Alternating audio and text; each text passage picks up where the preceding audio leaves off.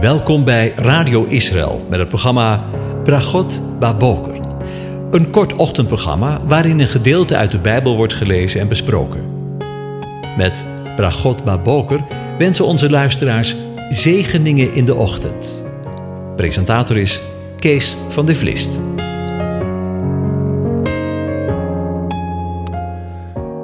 Goedemorgen, Bokatov, beste luisteraars. Vanmorgen gaan we weer verder om na te denken over Psalm 95. En daarvan lees ik de eerste zeven versen aan je voor. Kom, laten we vrolijk zingen voor de Heere. Laten we juichen voor de rots van ons heil. Laten wij zijn aangezicht tegemoet gaan met een lied en laten wij voor hem juichen met psalmen. Want de Heere is een groot God, ja, een groot koning boven alle goden. In zijn hand zijn de diepste plaatsen van de aarde en de toppen van de bergen zijn van hem. Van hem is de zee, want hij heeft haar gemaakt. Zijn handen hebben het droge gevormd. Kom, laten wij ons neerbuigen en neerbukken. Laten wij knielen voor de Heere, die ons gemaakt heeft. Want hij is onze God, en wij zijn het volk van zijn weide en de schapen van zijn hand. Tot zover. Over de schapen gesproken. Voor de tweede keer dus. Want vandaag denken we na over het laatste vers dat we zojuist gelezen hebben. Want Hij is onze God en wij zijn het volk van Zijn weide en de schapen van Zijn hand. En inderdaad, de Messias zal herder en koning zijn over heel het volk. Alle twaalf stammen. Deze twaalf stammen had de Heer Jezus Yeshua op het oog toen hij zei: Ik heb nog andere schapen die niet van deze schaapskooi zijn. Ook die moet ik binnenbrengen. En zij zullen mijn stem horen, en het zal worden één kudde en één herder, zoals we lezen in Johannes 10, vers 16. Het woord dat de Heer Jezus hiervoor andere gebruikte, betekent andere van hetzelfde soort. De andere schapen zijn dan niet van deze stal, de twee stammen, maar wel van hetzelfde soort, Gods volk dus, de tien stammen. De Heere Jezus openbaart zich als de goede herder, in tegenstelling tot de verkeerde herders, zoals we die lezen Ezekiel 34, vers 1 tot 10. Aan de stammen Juda en Benjamin. Het Israël dat uit de Babylonische ballingschap was teruggekeerd. De tien stammen die over de aarde zijn verstrooid door de Assyrische ballingschap zijn nog niet teruggekeerd naar het land. Ook vandaag niet. God zal uiteindelijk in de wederkomst, in de parousia, zegt, uh, zeggen we in het Grieks, de toekomstige aanwezigheid van de Messias op aarde, de gelovigen uit de twee en de tien stammen samenbrengen en maken tot één kudde, één volk. Zoals Ezekiel 37 profeteert over de toekomstige herinnering, hereniging, moet ik zeggen, van Israël en Juda met het beeld van de twee stukken hout, die aan elkaar moeten worden gevoegd als één geheel vers 15 tot 23 in Ezekiel 37, waar we lezen: Het woord van de Heere komt op mij, Ezekiel. En let tijdens lezen eens op de Heere God een vast voornemen heeft dat het ook ten uitvoer zal brengen, wanneer hij telkens de woorden ik zal herhaalt. Er is geen twijfel over mogelijk. Hij zal dit voornemen uitvoeren. We lezen nu en u, mensenkind, neem een stuk hout voor uzelf en schrijf erop voor Juda en voor de Israëlieten, zijn metgezellen. En neem dan een ander stuk hout en schrijf daarop voor Jozef, het stuk hout van Ephraim en van heel het huis van Israël, zijn metgezellen. Breng ze dan bij elkaar, het ene bij het andere, tot één stuk hout, zodat ze in uw hand één worden. Als dan uw volksgenoten tegen u zeggen: Wilt u ons niet vertellen wat deze dingen voor u betekenen? Spreek dan tot hen: Zo zegt de Heere. JHWH. Ik zal het stuk hout van Jozef nemen, dat zich in de hand van Ephraim bevindt, en de stammen van Israël, zijn metgezellen, en ik zal het stuk hout van Juda voegen, en ik zal ze tot één stuk hout maken. Ze zullen in mijn hand één worden. Drie, die stukken hout die u beschreven hebt, moeten voor uw ogen in uw hand zijn. En spreek tot hen. Zo zegt de Heere Heere. JHWH. Zie, ik ga de Israëlieten nemen uit de heidevolken waarheen zij heen gegaan zijn. Ik zal hen van rondom bijeenbrengen en hen naar hun land brengen. Ik zal hen tot één volk maken in het land en de bergen van Israël.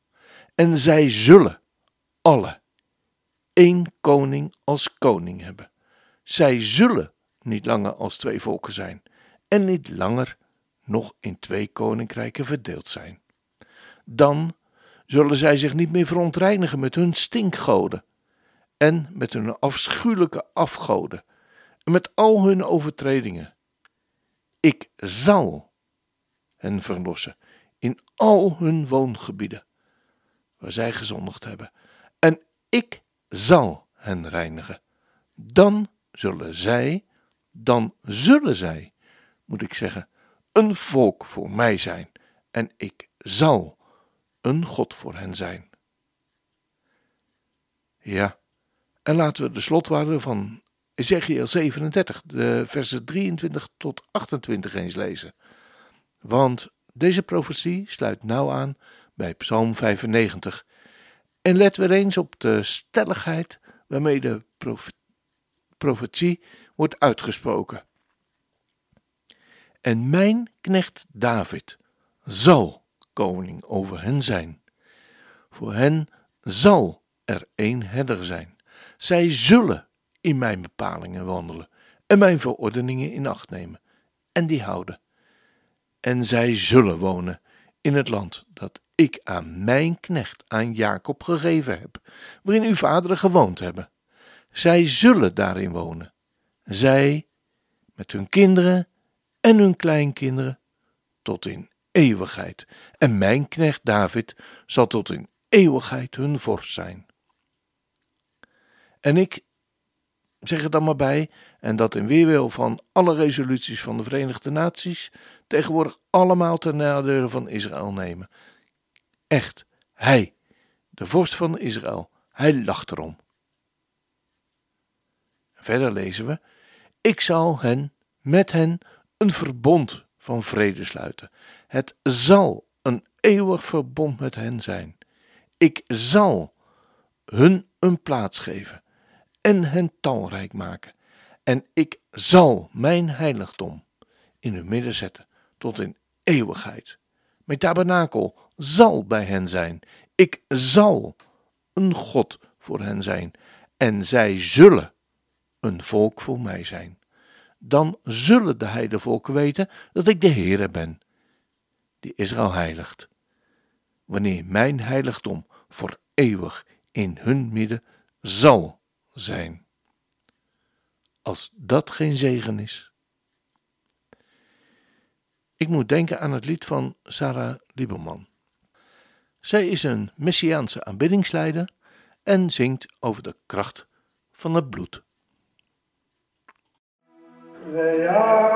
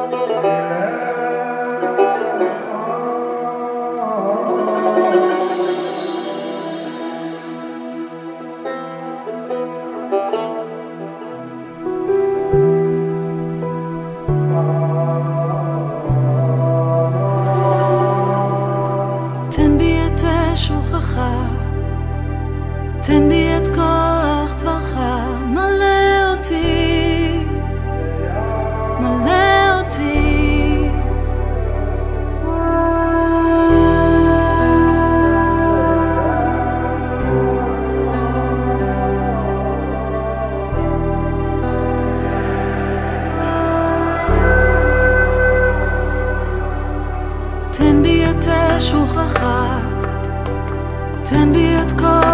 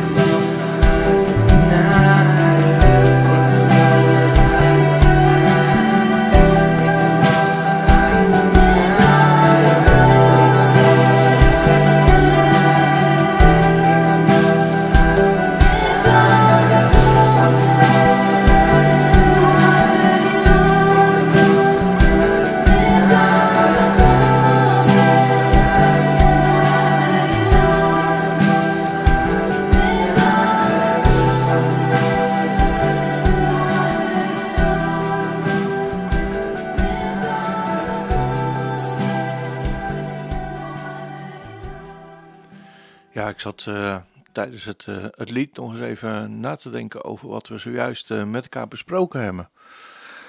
En wat is het toch een ongelooflijk wonder hè, dat in de tijd waarin we mogen leven, dat we Israël opnieuw uit het stof van de gaskamers, bij wijze van spreken, tot leven zien komen. Dat er nu alweer miljoenen, miljoenen Joden zijn die geminimaliseerd waren in de Tweede Wereldoorlog.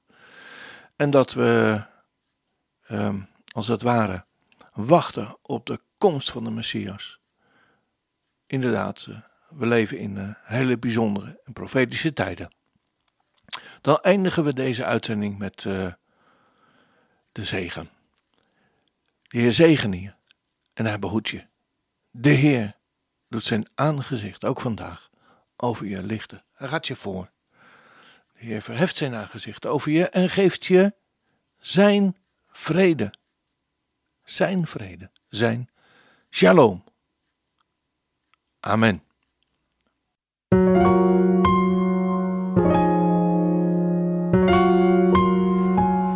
U hebt geluisterd naar het programma Bragot Baboker. Een kort ochtendprogramma waarin een gedeelte uit de Bijbel wordt gelezen en besproken. Wilt u het programma nog eens naluisteren, dan kan dat. Ga naar radioisrael.nl en klik onder het kopje radio op Uitzending gemist.